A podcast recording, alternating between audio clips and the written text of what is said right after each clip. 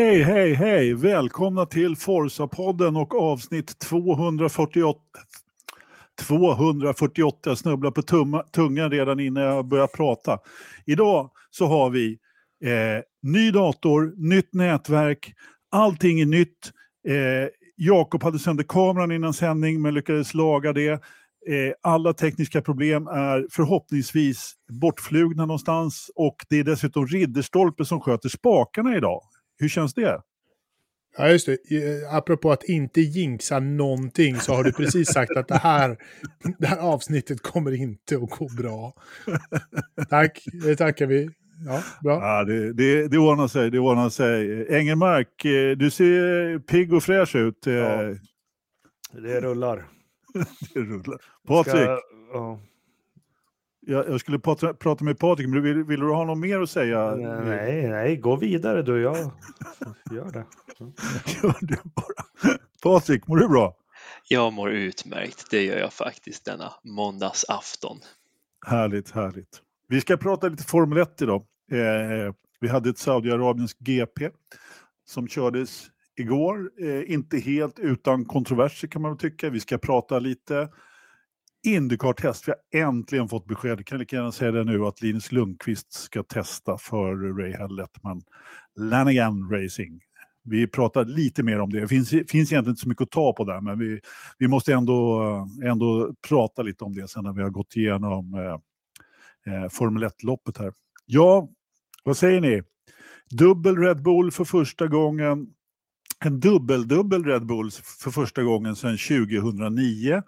Och eh, precis allting pekar ju mot att man seglar iväg rätt ordentligt i mästerskapet och eh, där bakom var det väl ungefär som förväntat. Men Vad vadå, vadå en dubbel-dubbel Red Bull 29?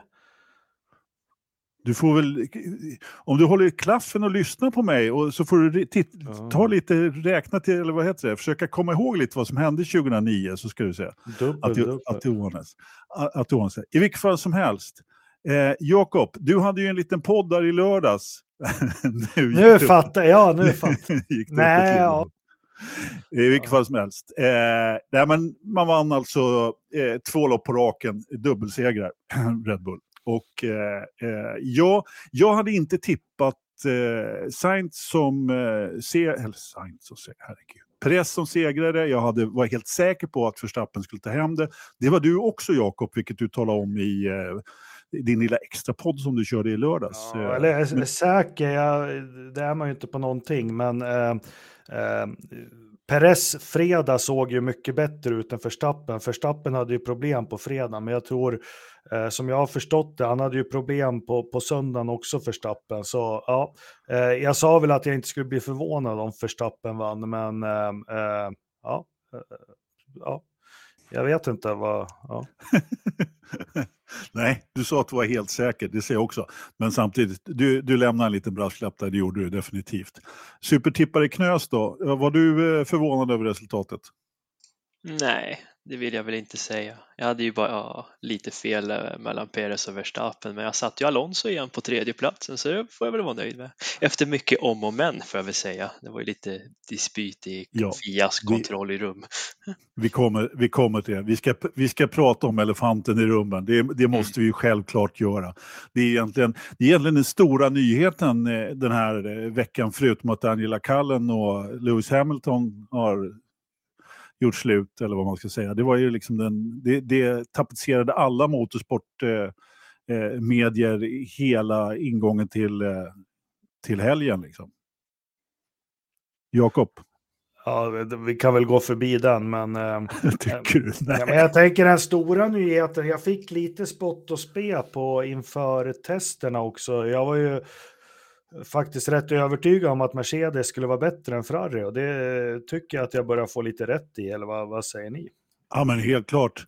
Helt klart. Jag menar, det, det ser ju... Jag tänkte vi skulle gå igenom, eh, gå igenom eh, resultatet lite grann, stall för stall, men vi kan väl börja där då med Mercedes. Så, alltså, nu blev ju Ferrari då, om vi ska liksom ta dem mot Ferrari, eh, som vi också kommer till, att eh, de fick ju hjälp lite grann, men det hade nog slutat på samma sätt ändå, även om eh, Leclerc hade fått han komma ut framför Lewis där. Och rent fartmässigt så var de ju snabbare än Ferrari. Det får man ju ändå säga, helt klart. Eh. Ja, men alltså de har ju jag är övertygad om att Mercedes kommer att göra en, en comeback i år. Eh, och det, det, får vi hoppas att det håller i sig. Jag, jag tycker det. Eh, finns tecken på det. Så får vi väl se eh, hur det blir. Jag, jag gillar ju också lite grann att eh, George Russell eh, är verkligen är, är, är, på topp och vass och eh, visar Hamilton att det är konkurrens Ska vi ta den på en gång då? Han blockar ju faktiskt Hamilton lite grann mm. där under en period när Lewis kommer på eh, medium och han själv var hårda. Var det rätt Patrik? Ja, vad ska man göra? Han är anställd för att köra fort så då får han väl göra det då.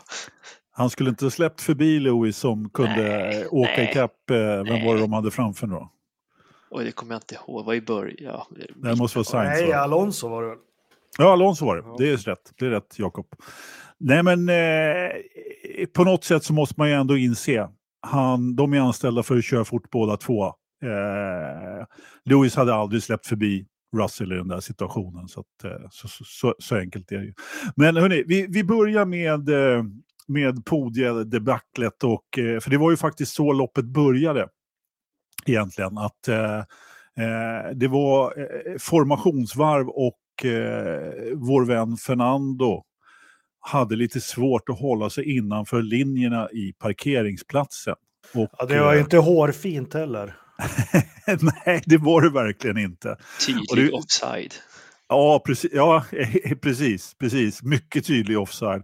Och just det här, jag menar, man har ju hört därifrån, eh, inifrån liksom radiokommunikationen, liksom, hur långt de ska köra fram. För de ser ju väldigt dåligt förarna. Och det kan man ju tycka då, liksom, att ja, men 19 andra förare klarar ju att parkera innanför linjerna. Varför gör inte Fernando det? Då, då? Är det någon som har någon synpunkt på själva parkeringen? Ja, han har väl kommit på hur man, eh, hur man kan lura sensorerna för tjuvstart kanske.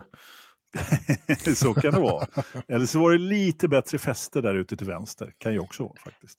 Varför det skulle vara bättre fäste där ute när alla är innanför rutan och börnar, tänker jag mig. Men han, ja. någonting har ju sett Alonso. Han är ju ja. räven ändå. Och det funkar ja, ju, för han var ju ändå uppe i ledningen. Ja, det är ingen som tror att han gjorde det där bara, bara sådär, eh, råka hända. Nej. Nej, han, nej. Han är väl man ju på radion. Ja, han har väl tittat för mycket på Ronny Pettersson säsongen 73. Det tycker jag alla ska göra. Då kör man ett sånt här forma, formationsvarv. Sen då på 70-talet, då ställde de sig lite vad de ville. det, det, tycker jag.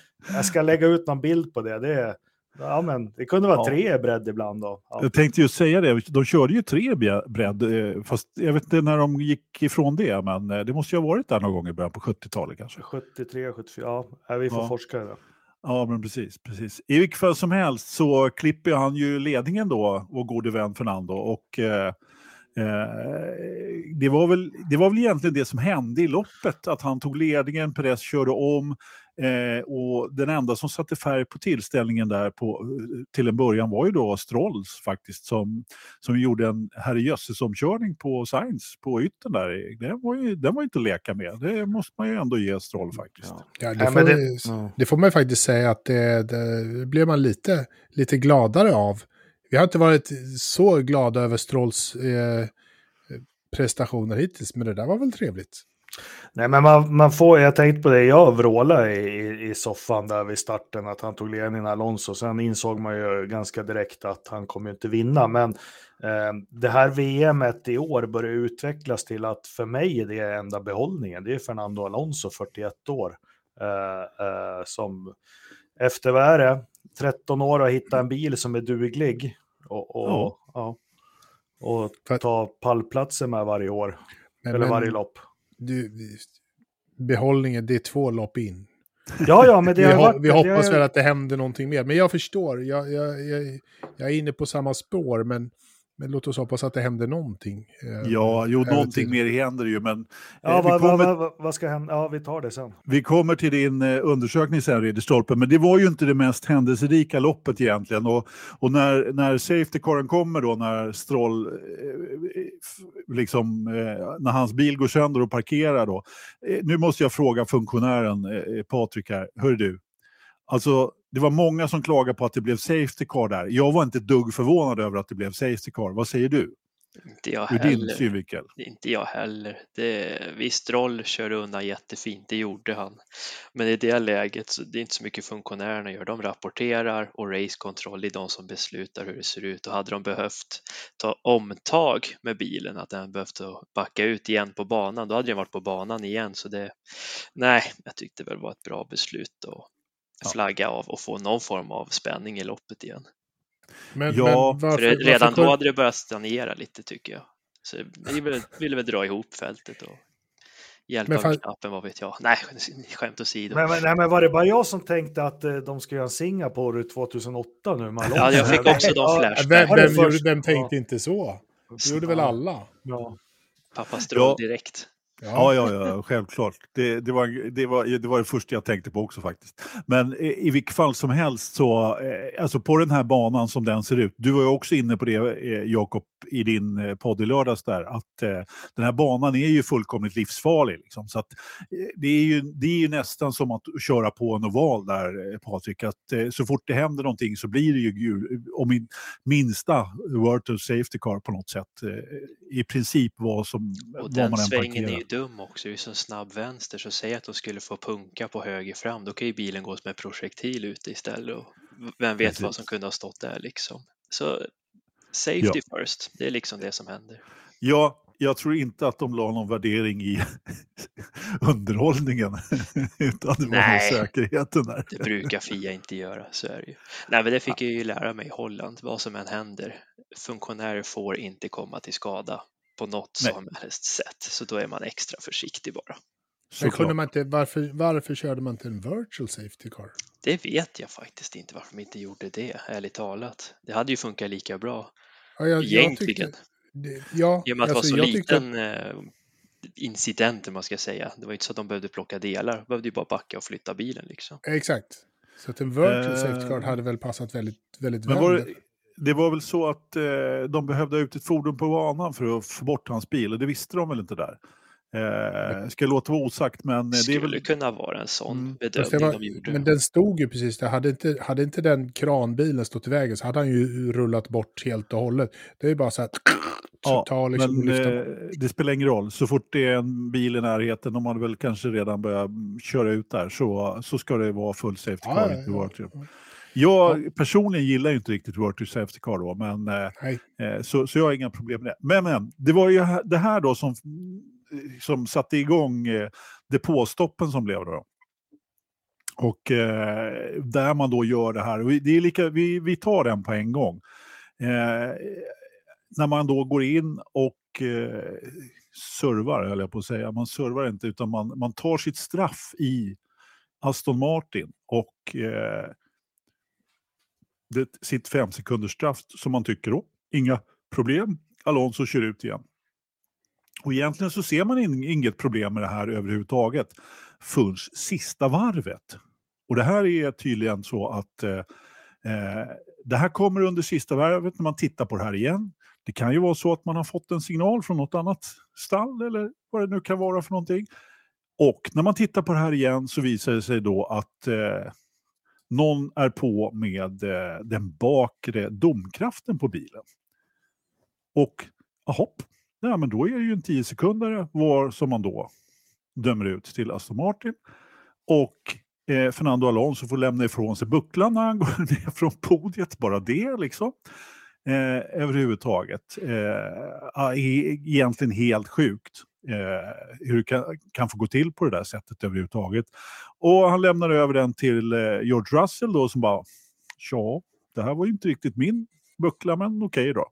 Sen några timmar senare så kom ju då beslutet att man har eh, tagit tillbaka det här och eh, återinsatt eh, Fernando på sin tredje plats. Och nu till själva kärnan. Är, är det någon av er som har koll så slipper jag prata hela tiden på vad som har hänt. Ja, ko- Ja, men... Berätta så kan jag fylla i om du gör fel. Jag har, har väl, har väl sett... Eh, så här. De körde ju in... Eh, vad heter den? Jag har till The Jack. Eh, eh, Ja, precis. Ja, Eh, exakt. Där bak. Jättebra eh, radio det här.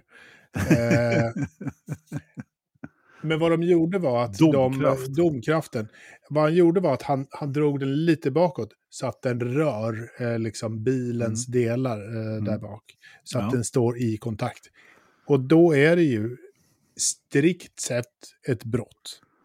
Nej, det är så här att Jo, det, det men- finns nämligen så här att grejen är det att det finns en överenskommelse då Mm. mellan stallen som säger att så fort du rör bilen, så, så, som då Fia i princip har talat om, att så fort du rör Mm. bilen så räknas det som att du jobbar på bilen och då är det ett straff. Och det, det är liksom alla överens om överhuvudtaget i hela depån. Det var bara så här att när man kör in i depån så använder man den, främs, den främre domkraften att sikta med. Så när bilen kör in så rör den alltid den främre domkraften. Och det här hade ju då Aston Martin liksom, ja, hur fan de nu kunde ha reda på det här eller ha, liksom, ha koll på det här. Så deras överklagan gick helt enkelt ut på att, ja men hur ska vi kunna veta vilken domkraft, eh, liksom, det spelar väl ingen roll om det är en främre eller bakre som rör bilen. Vi har ju fortfarande inte jobbat på bilen. Och det var det som gjorde de liksom stipulerade då liksom att ja, men om den, den främre har ju redan rört bilen så spelar det för roll om vi råkar röra bilen med den bakre, den är ju också på gång. Så att där i var liksom själva eh, överklagan för, för detta då, då. Och det här har nu kommit då senare att man ska då eh, göra om och förtydliga den här regeln då i veckan före Australien, eller före Australien, inte i veckan men före Australiens GP i alla fall. Känns det som att det var korrekt beskrivet Patrik? Ja, jag är nöjd. Jag satt också och läste igenom och kollade och de hade hittat en liten lucka i reglementet, en sån här härlig grå yta. Ja, Eh, Bra spelat Aston Martin. Det är, det är sånt här som gör det lite kul att följa sporten ändå. Det får man ändå säga, men eh, alltså bra eller kul eller sådär. Eh, jag, jag måste också säga det att jag tyckte väl inte heller att Russell var förtjänt av den där pallplatsen, långt ifrån. Men samtidigt så blir det lite löjeväckande kan man ju tycka, när den här grejen. Vad, va, vad tycker du Jakob? Nej, men vi har väl varit inne på uh, Formel 1. Det har väl varit ett antal sådana här uh, incidenter, eller man ska säga, eller ett, uh, konstigheter. Och, och vi har väl pratat om det i flera avsnitt, att det här är någonting man måste... Jag håller med dig Patrik om att det är snyggt spelat av Alfa Romeo, eller eh, Aston Martin när det händer, men det här är Men något... utåt sett skadar ju sporten mer. Ja, verkligen. Och, och för mig liksom... Ja, nu, nu har man ju blivit, man är ju gammal gubbe, så man slår ju av loppet direkt när det är slut i stort sett. Man har ju något annat att göra, det är inte som förr. Och sen så plingar det till om man kollar Twitter, ja nu har han blivit av med det. Sen går man och lägger sig på kvällen, ja, men nu har han tillbaka, och, och det liksom, nej, eh, det görs i jämförelse med andra sporter och sånt. Vi, eh, det, det här är någonting de har haft flera år på sig att se över. Men jag vet inte, är det regelboken för komplex eller vad, vad, varför blir det så här? Men det är den ju. Den är ju definitivt för komplex. Men det är också en sport som kräver en väldigt komplex regelbok. Jag, jag tycker det hela är, är, är bara överdrivet fånigt. Liksom. Jag förstår eh, den främre domkraften och om den eh, kan användas som styrning, så att säga, riktmärke av något slag. That's fine. Men att på, bara för att det är, råkar vara av samma typ och modell av domkraft så betyder inte det att någon annan domkraft är okej att använda. Jag tycker liksom så här, egentligen, Problem, problemet är egentligen ju så att det tycker jag att det... Nej, det står, inte, det står Nej. inte domkraft eller så här överhuvudtaget. Nej, det står inte reglerna överhuvudtaget. Nej, nej. Där har du problemet. Och, och det är så här, men vad fan. Nej, jag vet inte. Det, Nej, nej, men jag, jag personligen tycker, alltså jag som har, hade, tyckte jag i alla fall, hyfsat bra koll på regelboken tidigare eh, och i princip visste var jag skulle slå upp allting. Och nu pratar vi ju liksom 2000 eller något sånt där. Eh, menar, I princip då så kunde man ju lära sig liksom både, kanske inte det tekniska reglementet helt och hållet, eh, som är ganska kort, men det sportsliga hade man ändå bra koll på. Alltså nu det finns ju inte en chans att du kan, kan ha koll på alla de här grejerna, utan du måste ju dela upp det. Och jag menar, det är väl så de gör i stallen också, att vissa har koll på en del och vissa andra på annat. Liksom. Men, så måste du förstå vad ordet betyder också. Och om Och det vad- ordet har samma innebörd. Innebörden av ordet i Mm, den här precis. Det kontexten. har ju Ja, blivit du eh, juridik av alltihop istället Ja, för det är- praktiskt. Ja, Ja, men det- eller hur?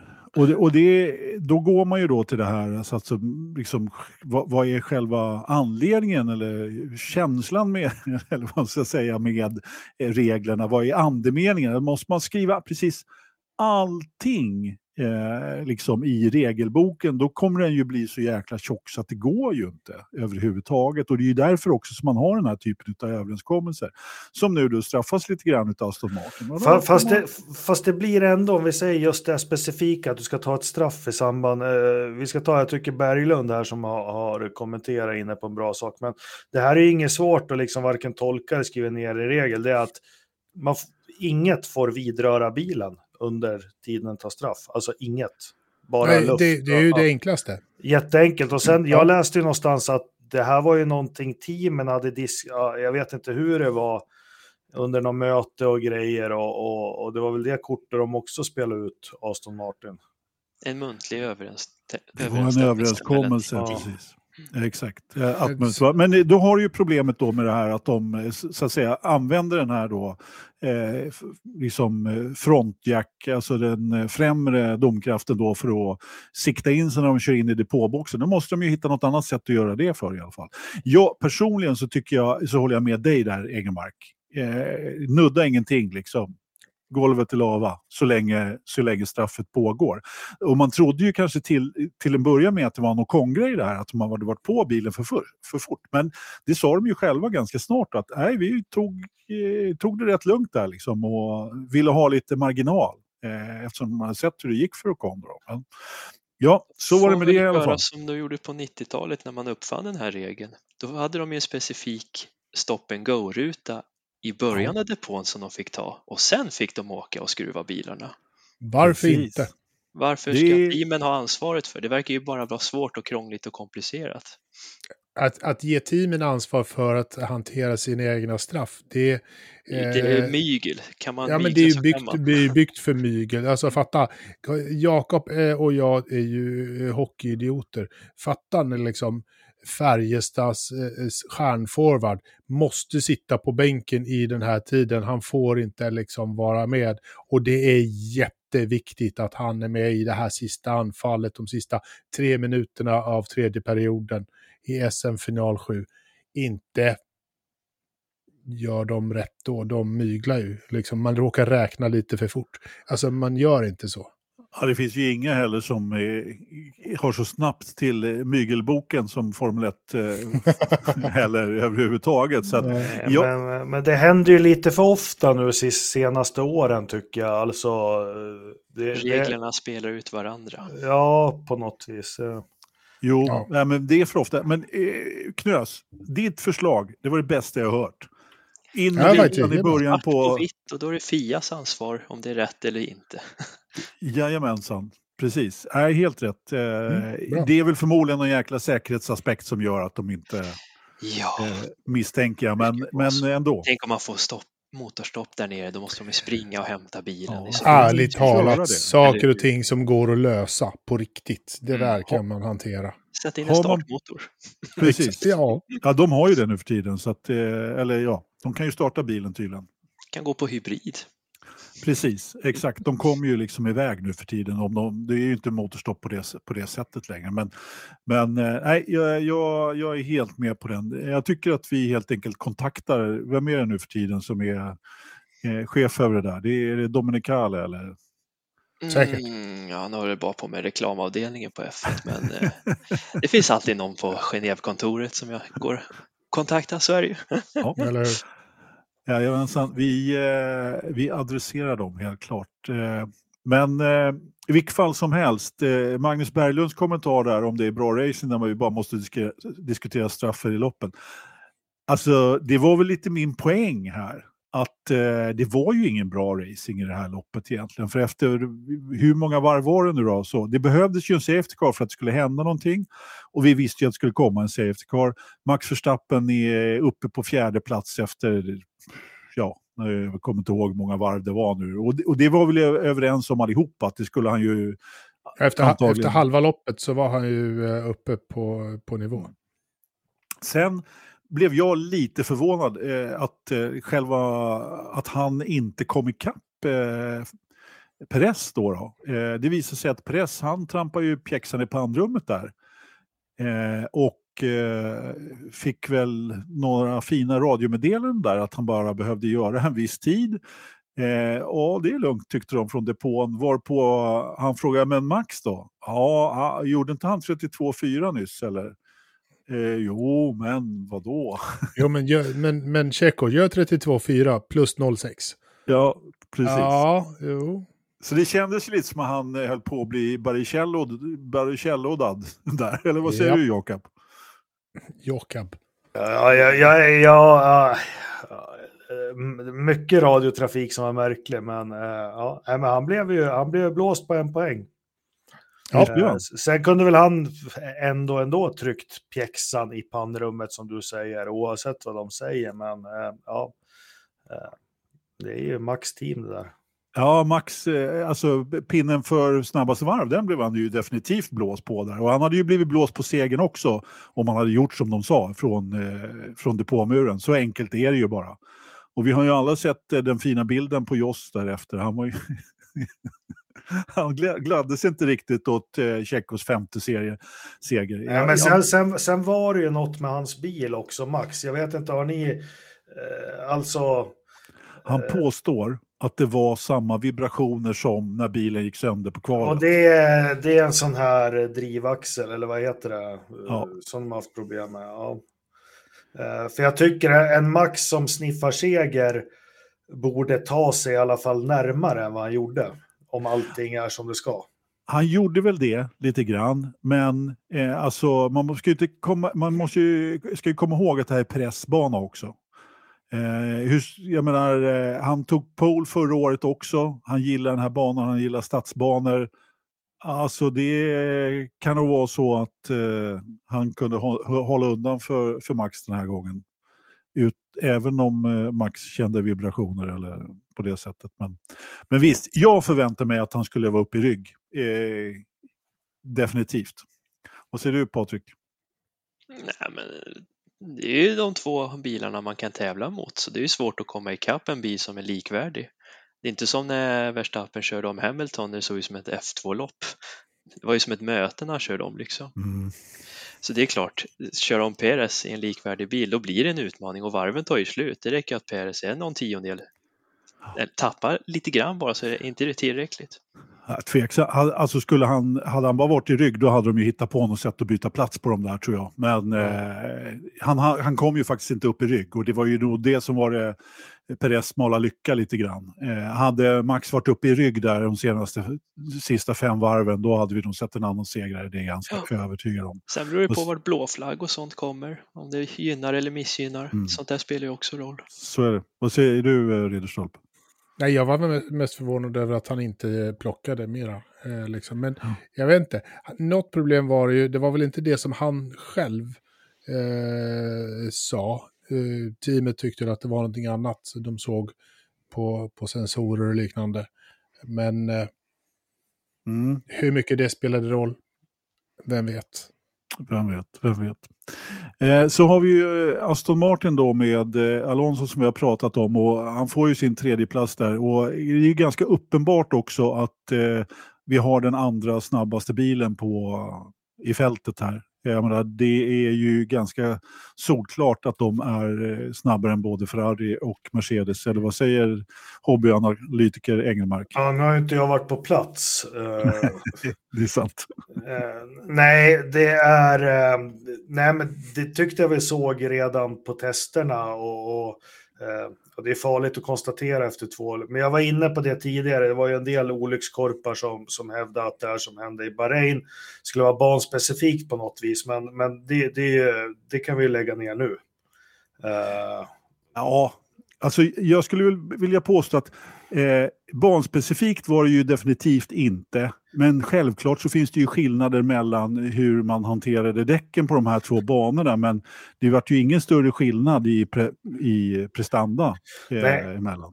Och sen låter inte luras av att Mercedes var så pass nära i resultatlistan som de var ändå. För Alonso hade ett sånt, ja men han var ju uppe och störde lite i början, sen gör ju han det som behövs för att få den här tredjeplatsen och, och, och som han sa, apropå att han blev av med tredjeplatsen, skulle han veta om att det var tio sekunder skulle ha tagit det på Russell. Uh, det, det, kan ju vara bullshit, men jag, jag, tror på det. Utan han kontrollerar det här. Det spelar väl ingen roll om han kommer två sekunder eller 17 sekunder före, när han inte har någon chans. Han har ingenting att jaga i kapp. Uh, men den där bilen ser jättefin ut. Sen, sen ska vi tänka var inne på det i lördags också. Eh, Alonso är aldrig, inte ens när han var sina världsmästarår, någon, någon kvalare av rang. Det, det är liksom, hans styrka har alltid varit att satt ihop lopp. Men vi ser ju nu att Stroll är uppe och stöter med den där bilen och Stroll är ingen jag rankar topp 10-15 i det här fältet som förare faktiskt. Nej, men vi kanske får ändra lite på det. Jag vet inte. Nu, jag rankar ju inte heller Stroll speciellt högt i, i det här fältet. Men man måste ju ändå säga, han kvalar bra. Eh, med tveksam medicinsk, eh, ja, han borde väl vara hyfsat eh, fit for fight nu då, då. Han gör det ändå väldigt bra så länge bilen håller. Eh, runda Sainz, visst, det så, men eh, han ser bättre och bättre ut, Stroll, måste man ändå säga. Nu har han ju fått en bil till det också, så det ska bli väldigt... Jag tror inte han kommer att eh, komma i närheten av Alonso, men eh, det ska bli kul att se vad han kan göra här framöver. Eh, Ridderstolpe, det ser ut som du vill säga, säga något. Ja, ja så här, hur mycket är det egentligen som är förare och hur mycket är bil i den där kombinationen? Eh, ärligt talat. Eh, jag, jag, jag är på Jakobs eh, sida när det gäller att ranka Stroll som, som förare i det här fältet. Det, Ja, men han har inte gjort bort sig i år. Det har han faktiskt inte. Han, kör, han, har, han, har, kört ett och ett halvt race, nästan. Eh, liksom ja. inte gjort bort sig. Ja, det var väl toppen. Han gjorde en omkörning nu i, i helgen. Jakob? Ja, men det, det vi kan konstatera utan det är att pappa Stroll Uh, nu görs det jätteroliga videos, men vad heter han som är så bra på att imitera? Ja, exakt. Mm. Ja, men skitsamma, han, han gör ju det här för att hans son ska bli världsmästare. Och då måste han se till att stallet bygger en så bra bil så att de kan sätta en hund eller en apa eller någonting bredvid. För Mm. Eh, eh, det funkar inte med vem som helst bredvid, utan då måste de ha en superbra bil. För jag kallar det ju Alonso-effekten. Vi ser ju både på test, eller inte på tester, men kvalen och loppen och longruns. Det, det är tre, fyra tiondelar per varv det handlar om som skiljer dem åt. Och, och uh, ja, så bra är ja, Alonso, nej, men, kan man väl också säga. Jag tror att eh, Stroll kommer att komma närmare. Eh, vad, vad tror du, Patrik? Jag är på din linje, Anders. Jag tycker Stroll är helt okej okay ändå. Det finns många andra blobbar som har kört i den här serien. Och Stroll, eh, han är helt okej. Okay. Han är en gammal F3-mästare. Han har ändå tagit pool i en eh, Racing Point på Turkiet för något år sedan. Han startade tvåa i en Williams när Williams var som sämst. Han har ändå tagit pallplatser i Azerbajdzjan. Han har bara haft lite otur. Kanske lite ofta, men ändå. Och när jag ändå var i Holland och studerade bilarna varv ut och varv, varv in så tycker jag ändå Stroll kontra Fettel i samma bil så tyckte jag Stroll var en starkare än Fettel den helgen i den mm. kurvan som jag stod i då. Men det är bilspecifikt. Han kanske passar mer Alonso-stil än vad han har haft tidigare med ryssar och allt Nej, men jag, möjligt som jag menar, jag menar inte att såga itu honom. Det är ingen Ricardo Rosé eller sånt där som vi har sett. Absolut inte. Men, men jag tror inte han har den här X-faktorn som, som eh, för, att, för att kunna sno ett VM-guld. Det är det jag är inne på. Nej, inte VM-guld. Det, det, det, håller jag med dig. Och jag ser ju, jag ser ju, jag ser ju Lando Norris som bättre än honom. Jag ser en George Russell som bättre. Liksom, det, det är det jag är inne på. Jag menar inte att det är en han har ju, han har ju meriter och som du säger. Och, men, ja, så det var inte meningen att såga honom helt i tur. Nej. Men... Topp 10 då? ja, nej, nej, nej, nej. Nej, men jag, jag, jag håller med er båda där. Eh, jag, jag tycker du gjorde en bra sammanfattning där Patrik. Jag, jag, jag håller helt klart på den. Men ja, men då kan ju ni starta en egen podd du och han då. Så, Ja, så kör vi vidare här. Eh, det Nej, han väl- kanske har fått livslust när han har testat att ligga på sjukbänken. Nu är det allt Ja. eller inget som gäller. Ja. Lite så. Lite så. Nej, men jag känner också, det, det, anledningen till att jag tog upp det lite grann också var, var ju att jag har ju sågat Stroll ganska hårt. eh, Bland annat i den här podden och eh, alltså rejält. Jag har, in, jag har inte varit någon fan av Stroll. Jag börjar så småningom ändra uppfattning lite grann mot eh, ditt håll, helt klart eh, Patrik. Så är det. Vi går vidare. Hörrni, eh, eh, det var ju ett annat stall som var på banan också. Vi har pratat lite Mercedes. Eh, George Russell piskar Lewis Hamilton igen. Japp, Eh, igen. det kan nog kännas lite jobbigt faktiskt på Lewis sida. Du var ju också inne på det, Eh, Engemark i lördags där. Att, eh, men det tog ju trots allt rätt många lopp för Lewis att komma ikapp förra året. Ja, men vi, vi börjar se tyvärr, jag hävdar med en dåres envishet att förra året att ja, Russell är van att köra dåliga bilar, eh, det är inte Hamilton och eh, ja, det är ett fenomen vi har sett förut. Men eh, nu börjar det här bli en epilog eller prolog eller vad det är man säger på. Alltså det här är, jag börjar se början till slutet eh, på något vis. Eh, Ja, På Lewis karriär, eller? Ja, storhetstiden och, och, och sen det är aldrig frågan om omvärdera Lewis med sju VM-titlar och 100 miljarder lopp vunna och allting. Men eh, det här är ju första gången sedan 2009. Eh, då fick han ju en bil mitt i säsongen, men ändå där, där stjärnorna inte står helt rätt för honom. Är han inte lack för att de inte har lyssnat på honom? Med, som han hade ju Ja, berättat jag- hur de skulle designa bilen. Jag tror inte Lewis, jag tror aldrig han har varit en särskilt teknisk förare på det viset. Det, det är någonting som säger mig att det kanske inte har varit hans, hans starkare, utan det, det är mycket känsla och, och feeling och, och så. Men han är ju Eh, fortfarande extremt erfaren i stallet och eh, så har stallet inte riktigt lyssnat på honom. Eh, tror inte att det spelar in då. Jag vet inte vad han ska ha sagt då. Liksom är det hans sak att säga, men vi kör andra sidepods.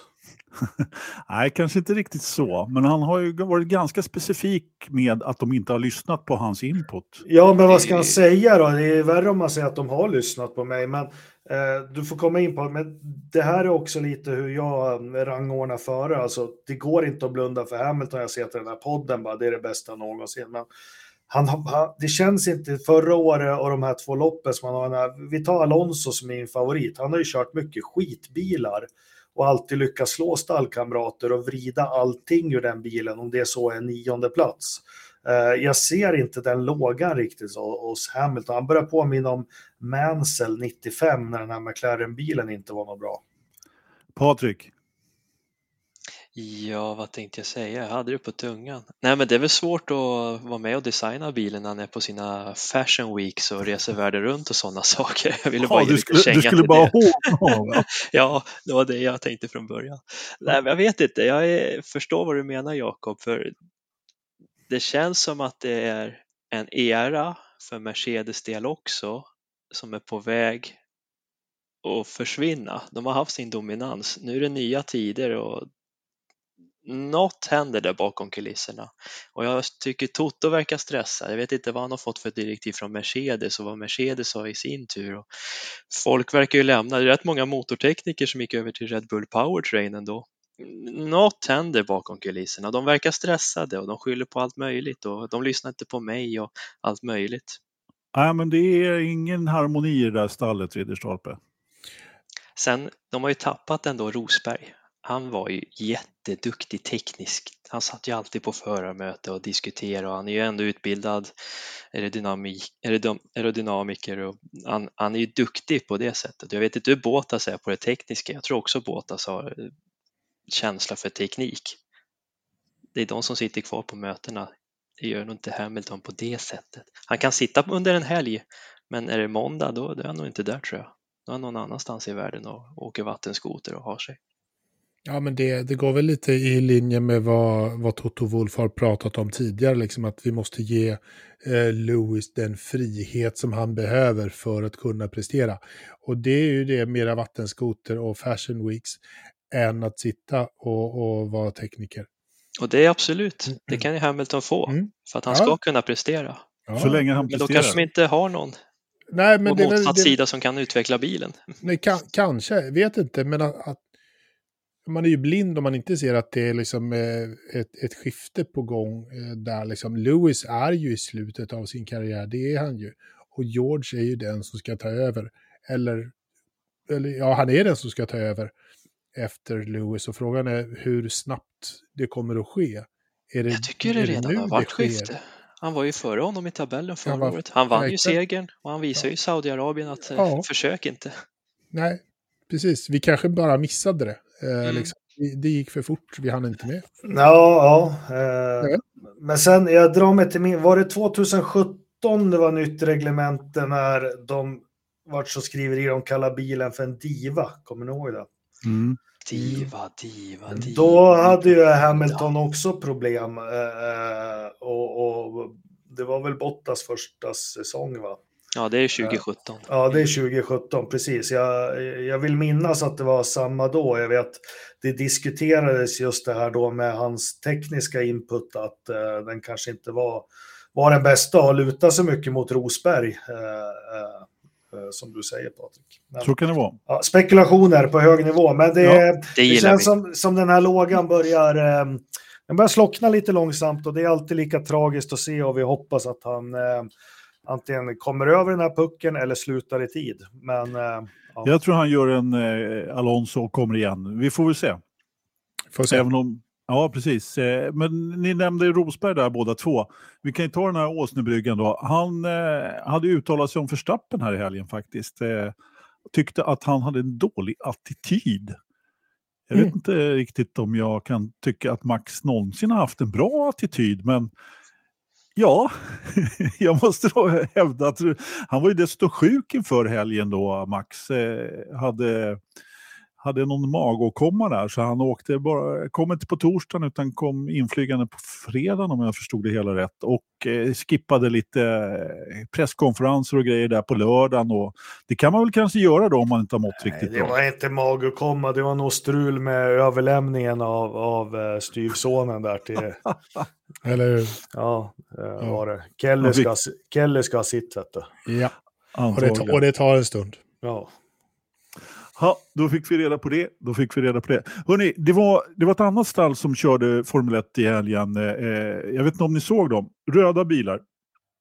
Charles Leclerc och, och... Jo, i och för sig Sainz såg vi när Stroll rundade honom där. Men, men annars så var de ju ganska bleka, eh, kan man väl lugnt säga. Han var arg på radion, Charles. Det hörde jag. Han var jättearg. Kan ni dra den? För jag, jag missade den lite. Jag hörde bara att vad fan säger du? Med det? rätta så var han arg. Patrik, vet du vad som hände? Mm, det var väl under Safety Car. Eller var Ja. det virtuella? Nej. Nej, Nej, det var Safety det Car. var Safety Car. Hamilton går i depå och eh, hade han bara spelat sina kort rätt och ingenjören hade berättat för Leclerc att pusha lite nu och försöka komma förbi Safety Car-linjen vid depåutgången så kommer det ligga före Hamilton. Problemet var när han fick det radiomeddelandet, då var ju Hamilton redan förbi. Så det var ju svårt Precis. att göra någonting åt den saken. Och då, då ska man ju också veta då att eh, man får ju alltså inte köra för, så fort man vill under Safety Car, utan man har ju en deltatid att gå på. Men man kan ju fortfarande eh, liksom vara eh, liksom inom den här deltatiden och köra lite fortare. Så att man, precis som du säger, kommer över den här eh, liksom Safety Car-linjen. Eh, och sen då tar det lite långsammare. Så han har liksom bara fått det här hette han Xavier, är hans Mm. eh, racingingenjör. Bara, Men Xavi. Xavier, för helvete, du skulle ha berättat det här för mig tidigare, jag kan inte göra någonting nu. Han var ju verkligen uppgiven och det här är ju också så symptomatiskt för ett stall som Ferrari i detta läge. När ingenting fungerar, fortfarande strategimässigt. Eh, vad säger du, Jakob? Nej, men det är därför de här roliga bilderna har dykt upp idag då, att Leclercs uh, Leclercs uh, ingenjör med hans, det är kritiskt, så är det en bild på att han sitter och lägger patiens på datorn. Ja, ja Precis. exakt. Precis. Ja. Och, äh, och äh, helt sanslöst egentligen. Nu hade det förmodligen inte gjort någonting för slutresultatet, för att Lewis hade ju kommit förbi ändå, men Eh, ändå. Jag menar, varje omkörning, varje, liksom, varje sån här grej hade ju kunnat gjort att, han hade, att man, man, man satte sig själva i en sämre position. Så enkelt är det ju bara. Alltså att man, det, återigen liksom så klantar sig Ferrari rejält eh, taktikmässigt. Alltså, för vilken gång i ordningen så vet jag inte riktigt. Men, mm. Så är det. Så är det. Eh, vad hade vi sen då? Sen hade vi alpinnarna som slottade in ungefär där vi hade förväntat sig att de skulle göra. Är de ett topp 10-stall nu? Analytiker Engelmark. Topp top Ja, 10, eh, som, som stall är de topp 10. Men vi är så fortfarande så jävla, ja, det finns bara tio stall. Exakt. Ja, Bra, Eh, Men de är så bleka och tråkiga och, och Gasly och Con, jag orkar inte ens bry mig. Uh, fan, han kanske, han kanske gjorde rätt Piastri ändå då. Ja, han försökte i alla fall att knuffa lite på Gasly där i början. Var det någon som såg den incidenten Ja, i, i starten? li, lite grann. Det, Ja. var, det var ingen större grej. Nej, men framvingen rök ju där på Gaslys, eller på Piastris bil och sen då för att liksom lite lök på laxen så körde Norris på Piastris framvinge. Så att i den lilla kraschen så förstörde man hela McLarens lopp igen. Mm. Eh, och så båda, liksom, på, på varv två så var båda McLaren-bilarna hade varit inne och byggt till, till nya däck liksom, och framvingar och grejer. Så att, men det såg väl ändå ut som att eh, McLaren hade lite bättre fart här, Engelmark. Mr Engelmark ej banspecifikt. Ja, men, det, det, ja, men jag var väl inne på den här banan kanske inte ställer de kraven som, som, eh, som avslöjar eh, bilarna sådär. Jo, men lite bättre fart hade de väl och det var ju lika fjolåret så var det väl vissa banor. Nu, nu motsäger jag mig själv med det här att saker är banspecifika, men jag, jag, jag vill gärna ja, få se Australien här och, och loppet efteråt. Men eh, Mm, det är lite mer high downforce-bana så att det kan Ja. ju naturligtvis eh, visas redan. Men, men helt klart lite bättre sprutt. Ja, vad kvalade han Piastri? Åtta knös? Ja, Piastri kvalade högt, men jag tänkte fråga Engelmark, vad gjorde Norris? För han startade väl näst sist? Varför funkar Jag- inte hans McLaren? Jag jag det. nej, nej, nej, han körde ju på en vinge och gick i depån, men ändå. Det, Nej, ja. under kvalet. Han startade ju långt ner. Han, han Ja, var ju liksom men, på andra eh, han- sidan. Han körde vi lyssna- inte på vingen då? Lyssnar du Nej. inte på podden i, i lördags? Tyvärr inte. Nej, nej. Han, Jag är eh, ledsen. han tog en Apex lite för hårt och bände ett styrstag på vänster fram. Så de Han gjorde en inte- Förstappen Monaco. Ja, men det förklarar. Precis. Eller Ja, jag, jag, jag tänkte en typisk Indycar-grej, ett styrstag. Ja, Ja. så är det. Ja, ja. Ja, lite så. Sen var det färdigkört där. Så att, eh, ja. Ja. Det var faktiskt ett sällsynt misstag måste jag säga utav Norris. Eh, han brukar inte riktigt, jag har inte sett honom göra den typen av misstag tidigare. Faktiskt. Nej, inte så ofta i alla fall. Nej, Nej. verkligen inte. Eh, bra. Eh, den enda som är överpresterande har jag tjatat om i loppet. Annars så slottar de väl in där de skulle. Kevin tog en eh, pinne där för Haas. Suck my balls honey, sa han tillbaka. Precis. Alltså han kör ju faktiskt skjort- skjortan av Hylkenberg igen, trots att han kvalar sämre. Hylkenberg kvalar Fortfarande bättre. menar du? Vad sa du? Fortfarande menar du? Ja, sa jag inte det? Igen sa du? Ja, det är väl bara lopp två, eller? Han har inte fått upp konditionen än, Hylkenberg. Oh. Nej, han orkar bara med sprintar. Mm. Eller hur? Eller hur? Eh, han eh, tog ju Sonoda där på slutet och Sonoda var ju faktiskt den enda som eh, slog ovanför sin viktklass kan man väl säga och var uppe och bråkade lite där med en poäng för att Alfa Taurin ser ju verkligen katastrofal ut i år. Alltså vad har de gjort Vad egentligen? tyckte ni om Frans Tost? Teampeppning inför helgen då? Fantastisk. Berätta Jag litar inte på mina ingenjörer. Nej, Det är ju som att verkligen sparka på dem. Mm. Ja, det är väl lite typiskt Frans Tots där, liksom. Man, vad fan har de gjort? Och sen så, eh, när vi kommer få, om nu när uppdateringen kommer, den kommer säkert inte heller vara något bra. Eller, ja, det där var min egen tolkning ungefär vad han sa, men det var, det var något i den stilen. Österrikisk Smidigt. mentalitet. Eller hur? Ja, inte helt smidig nej. Men eh, det ser väl ut som att eh, det där stället kommer att bli sålt inom kort. Eh, jag vet inte riktigt. Visst är Eh, han pressad bakifrån Frans Tost? Han litar inte på någon längre. Vad ska jag göra? Jag är pressad, mitt jobb är i Ja. fara. Snart får jag flytta till USA. Ja, eller eh, helt enkelt kicken. Ja. Det Rent kan ju vara så generellt. enkelt. Ja, och eh, det finns väl antagligen ingen plats i Red Bull till honom. Så att, eh, mm, det kan definitivt vara så faktiskt. Eh, mm.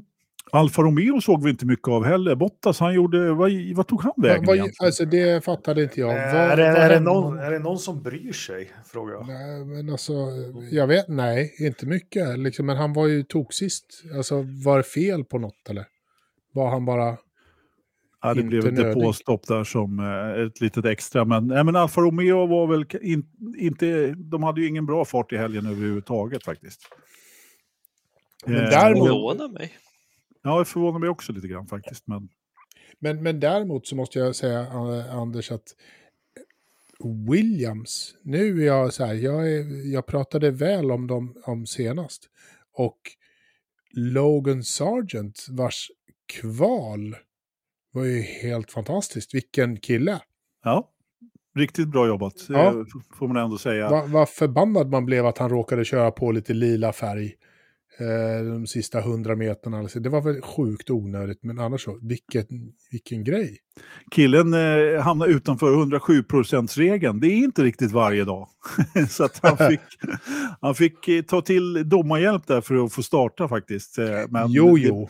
Det brukar inte, det brukar inte riktigt eh, vara några problem om man bara visat att man kan kvala in innan. Men eh, eh, vem var det som eh, gav upphov till 107%-regeln då? Eh, Ja, det var väl Lola-bilarna 97 tror jag. var det det? Kan Var det just- det?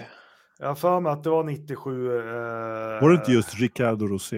Jag tänkte Ja, säga Rosé, vin- inte han vinst. med någonstans. Vincent Cispori eller vad hette han? De, Ja. de här Lola, Mastercard Lola-bilarna där till 97 som kom in i Formel 1 ett år för tidigt. Eh, jag tror det har någonting att det var ett upphov till det. Nej, de torsk... Ja, skitsamma. De kan ha varit med och då insåg de väl att oj, så här kan vi inte se ut. Och sen?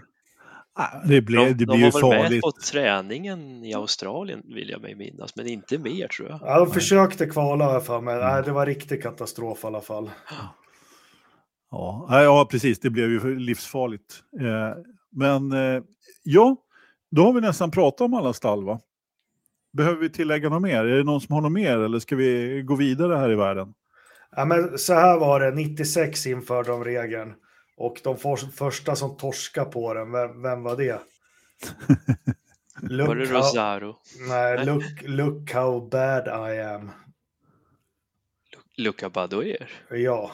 Uh, I Forti? I en Ja, Forti i körde han? Forti Åh, körde han då, ja precis. Forti. Han har Ja. aldrig varit snabb. Ja, jag måste säga, jag googlade den där, men jag kommer ihåg det nu när jag, när jag läste det.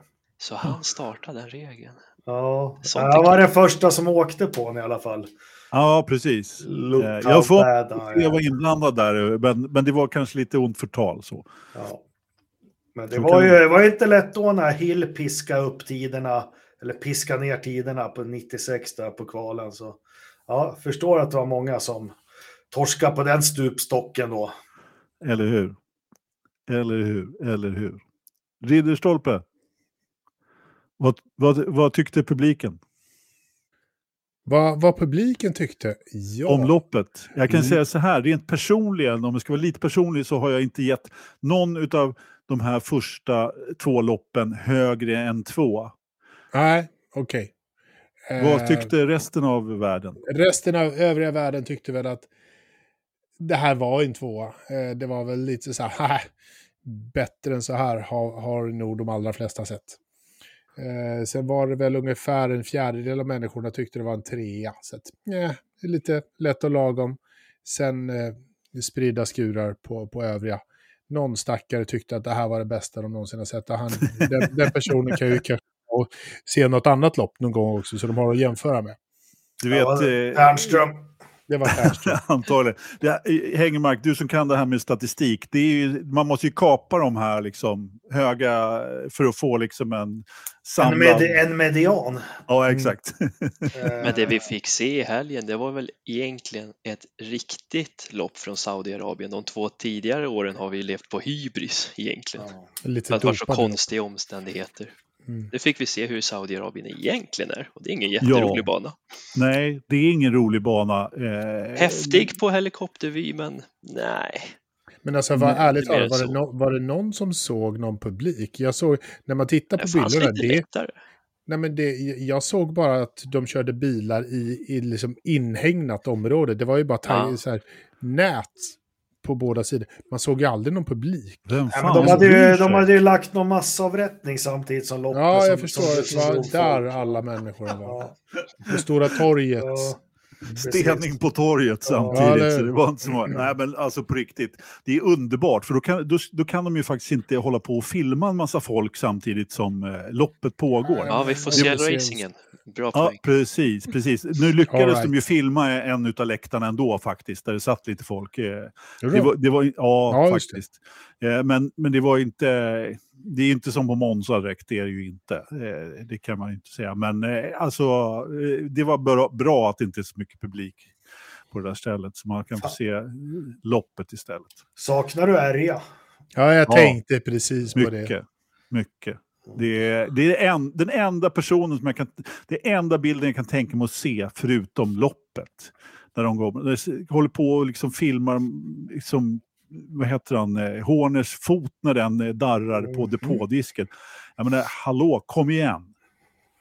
Vi kunde ha, flika in en liten ärja där uppe i hörnet. Hon borde väl kunna koppla upp sig på något Teams eller något så att man kan se Menar istället. Jerry Halliwell ska du ha där också, eller vadå? Nej, nej, ärja.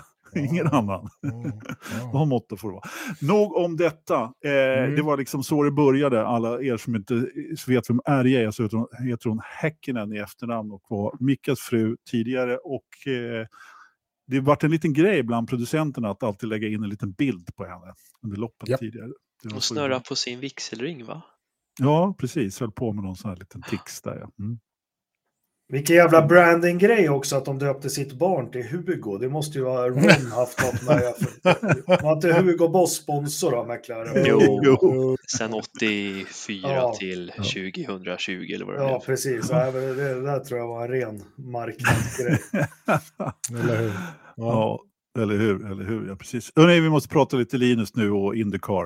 Eh, dra jingeln höll jag på att säga, Ridderstolpen, men vi kör inte med sånt längre. Men alltså nyheten som kom här eh, igår kväll då, i, till att börja med i Sportspegeln om jag förstod det hela rätt, med en intervju då med Bobby Rahal som har då Hur mår Eh. Bobby förresten? Var inte han, hade inte han väldigt dålig hälsa? Jo, han hade Ja. cancer, men eh, han såg hyfsat pigg ut ändå. skönt. Eh, och eh, han eh, bekräftade då att man ska köra en test på Texas Motor Speedway med Linus efter loppet som går där då den helgen. Så att, eh, vi har räknat ut att det ska bli den 3 april då.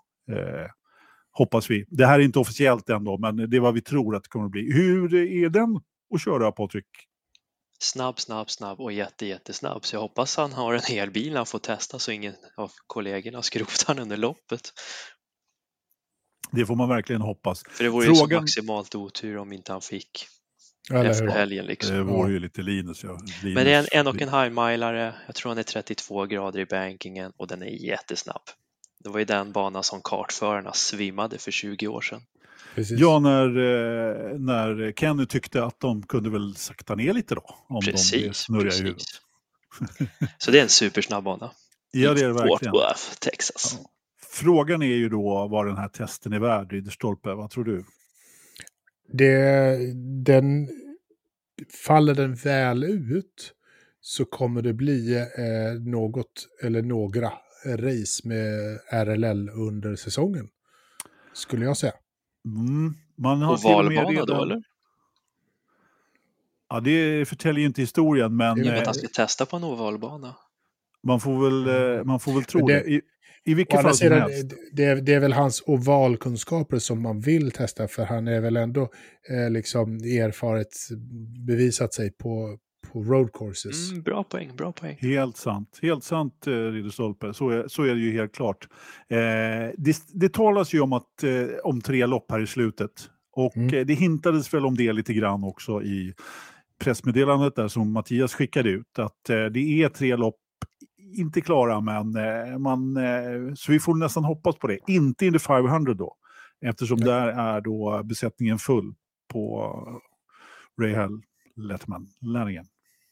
Tyvärr. Så att, Men, ser- men det, så må vara liksom. Eh, Fortfarande, jag, jag tror ju att om, om Linus får tre stycken eh, lopp, kan bevisa sig att han faktiskt är så jäkla bra som vi vet att han är, då tror jag också att han får det lite enklare att ragga ihop de här sponsorpengarna som saknas. Ja. ja, Han liksom visar sig att han kan hålla nivån uppe, inte bara vara en one flare, utan kanske en two flare och three flare. Då tror jag att det finns Det är hans liksom- enda chans naturligtvis, vilket, ju natur, vilket ju också är problemet då. Då ja, men det är enormt viktigt. Ja, men killen är ju snabb, det vet vi ju Mm. alla. Så det gäller ju bara att han kommer in i det där. Lite beroende på banan nu som han får chansen då, men det känns ju som att han kommer att få chansen här. Mm. Eh, vad säger vi om, eh, om eh, vet du, kalendern där efter? Vad är det efter? Eh, vad kan det vara? Portland? Eh, vad är det mer som kommer? Vilken kommer. eh, del av månad vill du ha? Nej, men eh, det blir ju efter Indy 500. Eh, så enkelt är det ju. Så att, eh, Ja, alltså från Indy 500 då kör vi på Detroit, Road America, Mid Ohio, Toronto. Sen ska de köra Iowa två gånger. Sen är det Nashville, mm. Indy Road Course, Gateway, Portland och sen Laguna Seca avslutar de med. Mm. Så jag satt och tänkte logiskt för mig själv. Två Iowa på samma helg kanske, spara pengar. Jag tänkte också Iowa. Eh, det var ju en rätt stor succé förra året eh, när de körde den tävlingen också. Eh, rent eh, liksom sponsor publikmässigt Mm. så var ju det en Mm. klar höjdare. Alltså Mid-Ohio skulle ju jag önska. Jag tror den skulle passa där han Jag kört han- tidigare. Jag tror att han skulle köra bra där. Ja, helt klart. Helt klart. Rätt cool bana. Kul att följa. Mm. Den är det ju också. De- definitivt. Mm, mm, spännande. Kul. Jättespännande. Det ska bli oerhört intressant att se eh, faktiskt. Eh, måste jag säga. Eh, hörni, eh, om ni inte har gjort det så kan ni sponsra Forza-podden om ni vill. Patreon.com slash Forza-podden. Så får ni eh, lägga valfri, valfri summa. Det är helt valfritt vad man vill. Om man vill sponsra oss och med vilken summa i så fall. Nu ska vi gå över till lite övrig motorsport faktiskt. Det har ju varit, trots allt varit lite övrig motorsport i helgen, Patrik, eller hur? Det har det. Följde ni något från Rally Guanajuato, Mexico? Eh, what? inget, inget. Rally Nej, Mexico, enkelt Jaha, översatt. jaha, tack. Ja. Eh, Det var en bra tävling. Eh, Comeback eh, efter tre års eh, pandemivila kan man väl säga. Det var ju där de Mm. körde VM sista gången i Mexiko 2020. De fick till och med korta av tävlingen så att de hann att flyga hem allihopa innan världen stängdes lite snabbt. Så det var en efterlängtad comeback. Vad kul att se, vad mycket publik och det är en härlig tävling att se på. Eh, Inledningsvis och Tanak tog ledningen efter publiksträckan på torsdagskvällen. Men det var inte så konstigt, det var ju asfalt och kullersten så då gör det inget att starta först.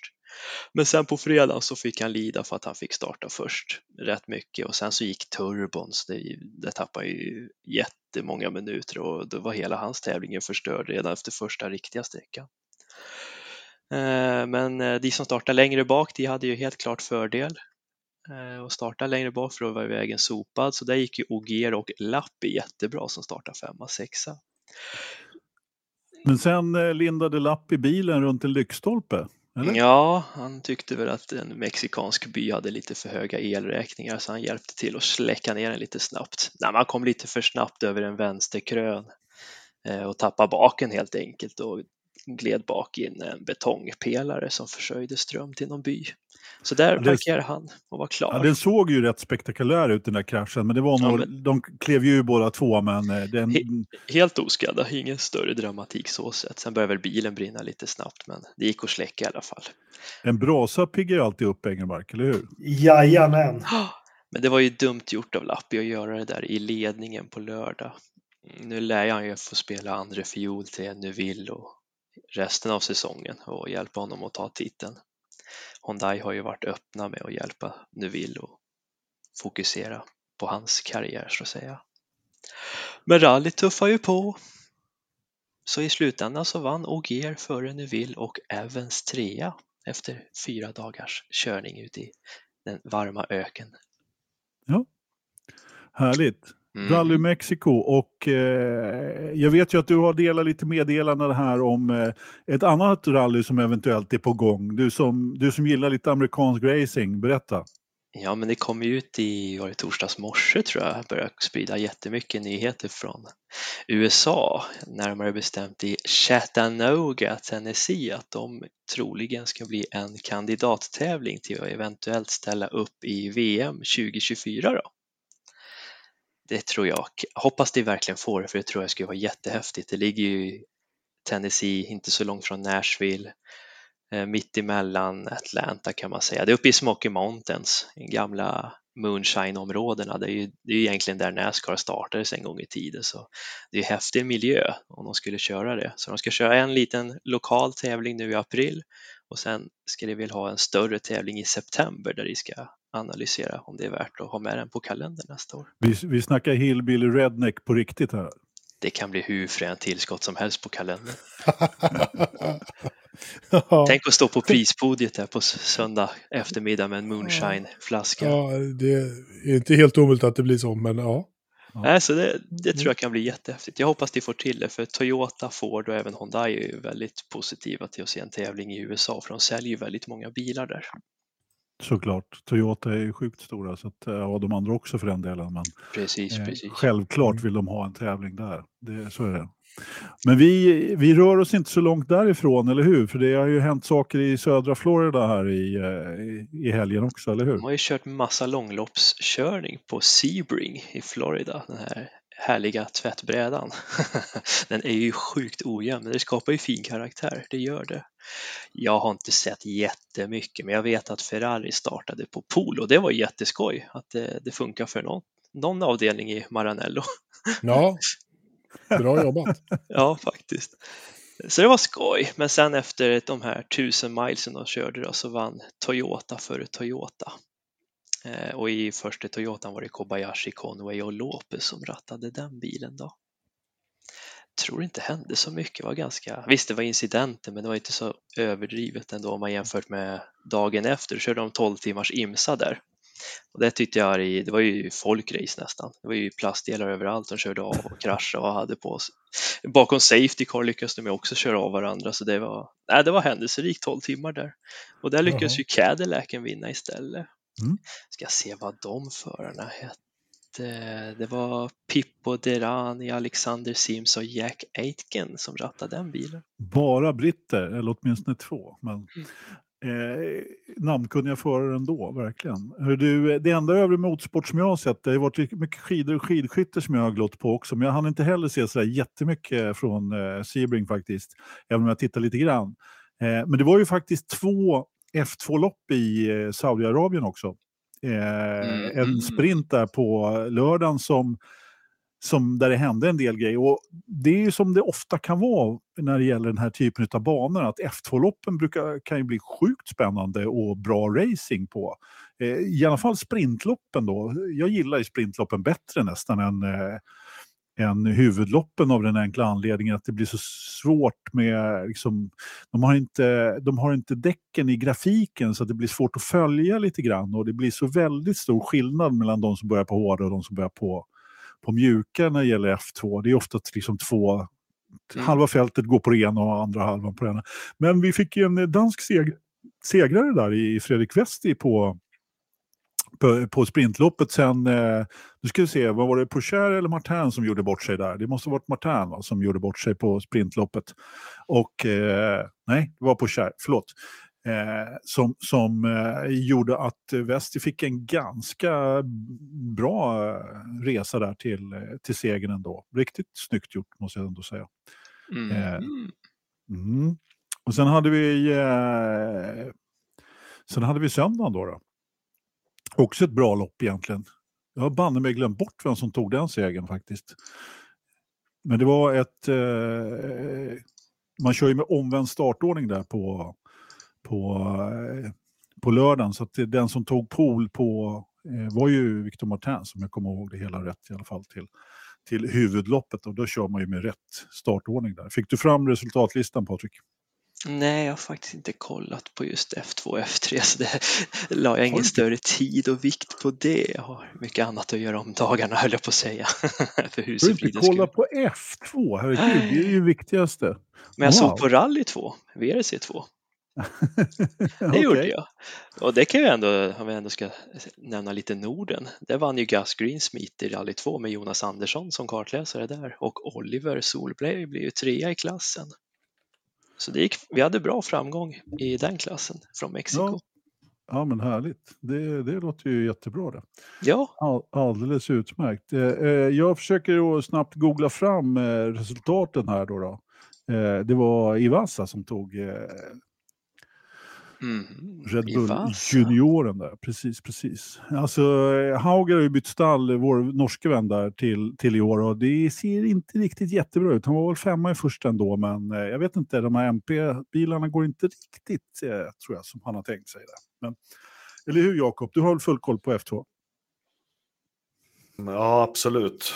Nej, nej, men det är lite som Patrik säger, tyvärr. Ja, men det, man får prioritera som, som livet ser ut och tyvärr så har jag bort F2. Jag önskar att jag kunde följa det bättre. Om jag ska vara så Ja. ärlig.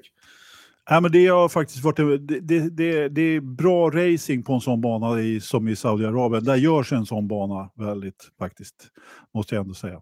Helt klart. Eh, bra.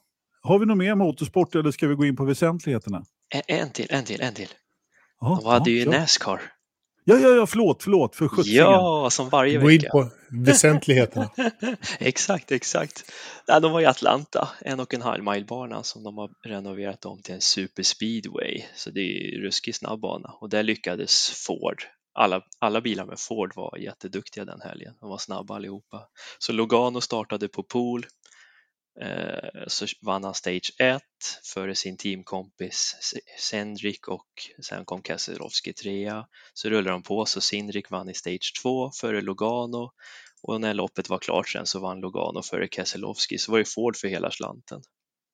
Så det var, det var lite händelserikt, det var det. Eh, lite krascher, en Big One fick de till. Men annars var det rätt lugnt. Jag trodde det skulle bli riktigt kraschfest efter truckserien och Xfinity för där jag vet inte hur många gulflaggsvarv de körde i Xfinity. Det tog ju evighet innan de kom igenom halva loppet där, för de låg bak, mer bakom Safety Car än körde tävling liksom. Nu kommer jag inte ihåg vad han heter, men såg ni han i Xfinity? Eh, heter han? Nej, jag kommer inte ihåg vad han heter. Men han, hans bil gick ju sönder i en av krascherna. Det flög delar på banan och då Mhm. valde Nascar att eh, parkera honom. Du får inte fortsätta läng- köra längre för att det flyger delar. Du är farlig liksom. Ja. Och då vart han, han tyckte att han vart orättvist behandlad så han tog och parkerade bilen på start och mållinjen och gick därifrån. Hej då! Jo, men jag såg lite. Jag såg lite av det. Det var ju hur bra gjort som helst. Han Publiken var- älskar det. Han tyckte, ja ja, jag får se hur jag ska betala böterna. Jag vet inte hur jag ska göra det. Och Danny Hamlin hade väl sagt att det är lugnt, jag betalar dina böter. Eller hur? Eller hur? Så det där löser sig. Ja. Så vi får se vad straffet blir. Nascar har en förtjusning och dela ut böter onsdag eller tisdagar. Ja, just det. Precis. Det jag har vi lärt oss här nu. Henrik ja, Motorsport fick ju sitt straff Jajamensan. för sin Det, eh, modifiering av det, var ju, Louvre. det var ju efter förra podden det va? Ja, stämmer. Precis. Då sa du att fuskat? straffet skulle komma på tisdagen. Och det var 100 poäng och eh, ja, hur var det nu då? Ja, de fick 100 poängs avdrag. De stängde av crewchiefen och lite sånt i fyra tävlingar och eh, tappade 10 stage points eh, för året. Så ja, de Mm. gick från 1, 2, 3 tror jag i tabellen till 32, 33, 34 eller något sånt där. Så nu får de verkligen slåss för att överleva så att säga. Får jobba lite helt enkelt. Precis. Men straff är straff, så gör de där Straff borta. är straff. Ja, men det är helt rätt tycker jag. Regler är regler. Man får inte modifiera en standarddel. Ajabaja. Och Henrik tänk- har överklagat. Men tänk om det finns en tyst överenskommelse som säger att man får göra så, oss stall emellan, som gör att vi inte blir inget straff ändå. Jag skulle precis dra den liknelsen med Formel 1 faktiskt. Eh, Jag menar, Tänk Ja. om. Ja, Ja, vi, men, får, eh, vi får göra brott. För vi har ju kommit överens om att det är okej. Ja, det är precis. ju, ja, I Formel 1 så har jag menar, just de här, det blir ju inte den typen av eh, eh, som brott i Formel 1 längre i och med att de kontrollerar ju dem hela tiden och det, det är ofta därför det blir den här grå skalan lite grann. Jag menar de här tekniska reglementena är ju så stenhårda nu för tiden så att eh, Ja, det, det är liksom om någon hade gjort det där i Formel 1 så hade det varit uppsex på första träningen. Liksom. Ja, är, ärligt talat, vad vi saknar i Formel 1 är någon som får ett straff och sen ger de fan i det och parkerar bilen på start och mål. Den, den personen saknar vi i Formel 1. Vi har inte den.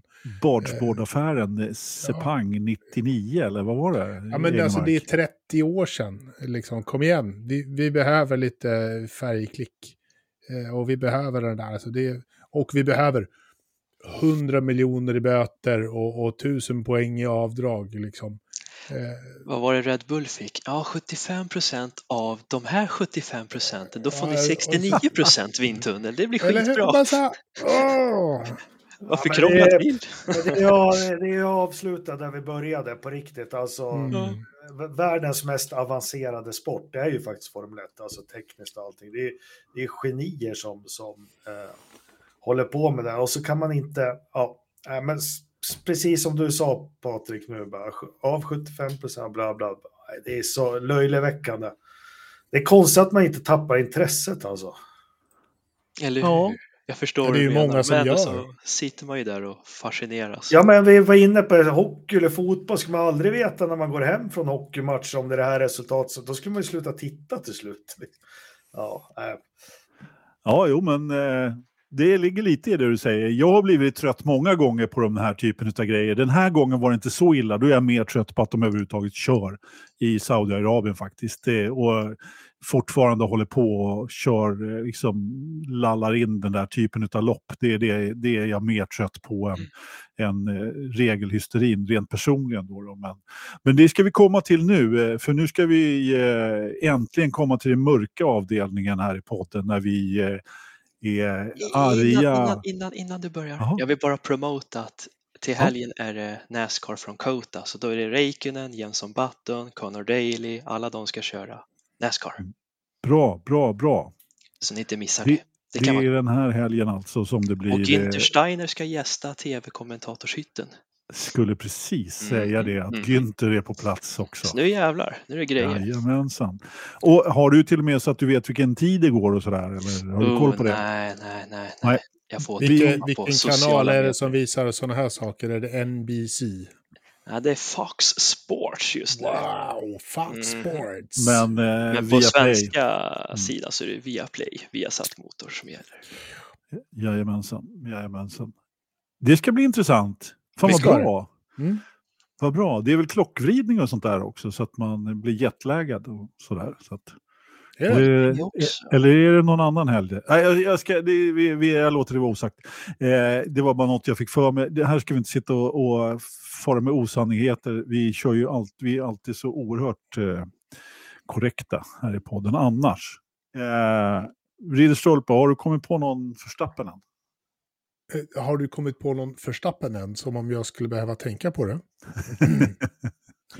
eh, nej, jag, min förstappen för den här eh, tiden är... Jag är liksom... Egentligen vände jag på det, för jag var väldigt glad över Williams eh, den här helgen också.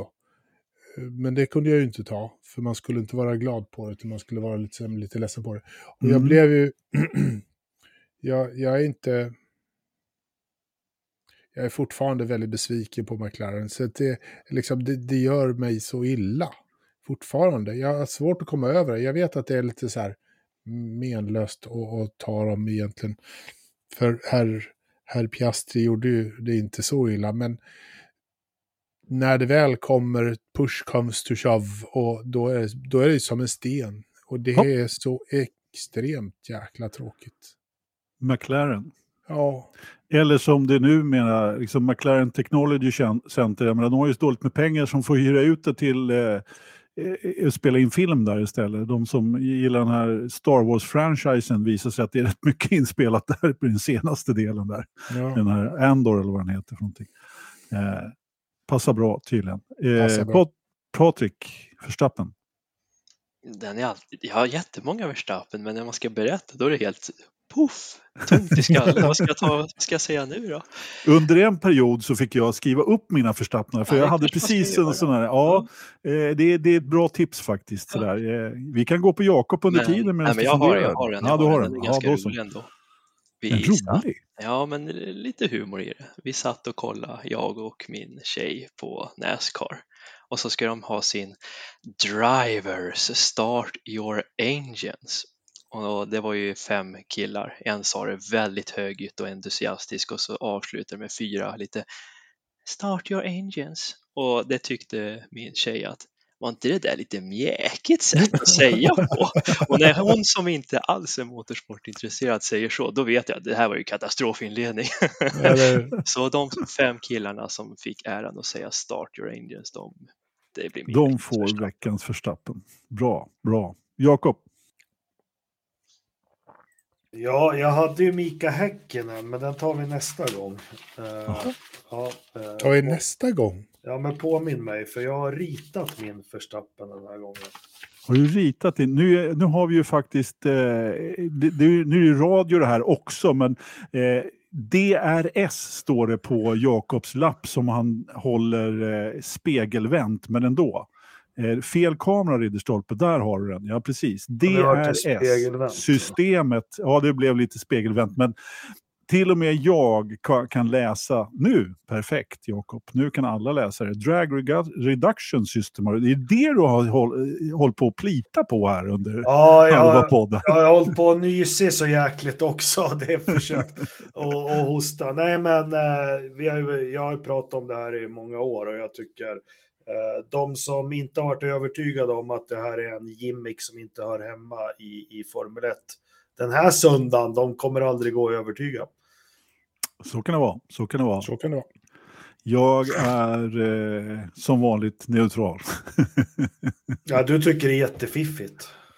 Nej, men jag, är inte, jag har inte varit någon DRS-fantast. Jag har inte varit jättemot det heller, utan jag har varit lite me mellanmjölk där faktiskt. Men eh, eh, nu ska jag berätta min förstappen. Den får eh,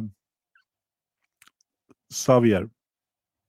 Jaha, Xavi tror jag. Xavi kanske det var, precis. Eh, Charles Leclercs eh, raceingenjör som inte han fick visserligen väldigt mycket skäll av Leclerc då, och hånad inför eh, världens tittare, men jag tycker han är värd en förstappen faktiskt. Hela, hela Ferrari brukar ju få mina förstappnar annars och deras strategiteam, men han, han, får klä skott helt själv den här veckan faktiskt. Så är det. Så, Så är det. Jajamensan. Det är jobbigt här med två datorer. Jag måste byta liksom pekare när jag ska titta på vädret här. Eh, ursäkta lyssnare, vi har eftersom Lövström hade lite tekniska problem förra gången så har Lövström införskaffat sig en ny dator och eh, eh kör på lite, på lite, ja, på lite många datorer. Så att, eh, men eh, nu, ska vi prata, nu ska vi inte prata om det, nu ska vi prata väder. Det är minus 7,1 grader i Grävelsjön. Vindavkylningen är 7,1 grader. Det brukar vara dagpunkten i minus 10, relativt luftfuktighet ute 78 Relativ fuktighet inne 35 procent. Det är ganska lite, Jakob. Uh, nej, det är ganska högt. Uh, uh, särskilt det är högt. Ja, men det är vinter och så. Jag skulle vilja ha ner den till 30-32 procent. Ja. Det har du i och för sig rätt i. Det har du i och för sig rätt i. Den, den borde kanske vi får, vi får... Och det har snöat. Snödjupet, alltså nu ser man inte 80 där längre. Det, är... det sa du ju förra veckan med. Ja, så är verkligen det. Ja. Nej, förlåt. Jag menar, det sa jag förra veckan, du har rätt. Nu ser man inte 90-skylten, så att, eh, det har Oh. kommit mer snö faktiskt. Eller 90 90-sträckor där, så eh, det har kommit 10 centimeter eller något, så att, eh, rejält. Ingen skylt tyvärr vid, eh, vad det nu är för någonstans, vid vägen där i alla fall, fjällbua brukar väl det heta. Och det är en, eh, någon form av djur som käkar vid fågelbordet faktiskt. Oj. Mm. Ja. De tar för sig. Jajamensan. Jajamensan. Eh, jag tror att det är ett rådjur faktiskt. Eh, jag ska inte riktigt art, kan inte riktigt artbestämma, men, men så är det. Eh, vad sa vi nu då? Vi var 7,1 grad. Minus då. då. Eh, hur många grader är det i datorförrådet, Jakob? 10,5. Fel, Fan. Patrik. 9,3. Oh. Fel, Ridderstolpe. Mm. Eh, 9,8. Fel, fel, fel. Det har pipit iväg kan man säga faktiskt. Så här varmt vet jag inte senast det var faktiskt. 11,3. Nej! Det var Och mitt det, andra Det tycker jag är varmt. Kommer du ihåg när det var uppe i typ 36 någon gång? Eller hur? Ja. Man kunde steka ägg på. I sommar, då jäklar. Ja. Ja. Jajamensan. Hörrni, eh, det var som alltid väldigt trevligt att få podda lite här, så här på måndagskvällen. Mm. Mm. Eh, Jakob, krya på det. Tack så jättemycket. Jag bara längtar efter att du ska släcka ner sändningen så jag bara, bara pju, får springa ut och snyta med. Då gör vi det. Tack för att ni tittar och lyssnar. Tack Ridderstolpe, tack Patrik. Så hörs vi nästa måndag. Ha det bra. Hej! Ha det, ha det.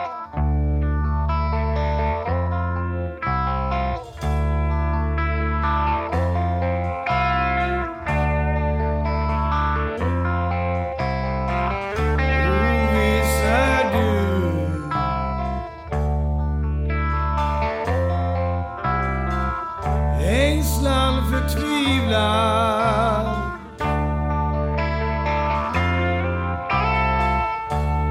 Det man säger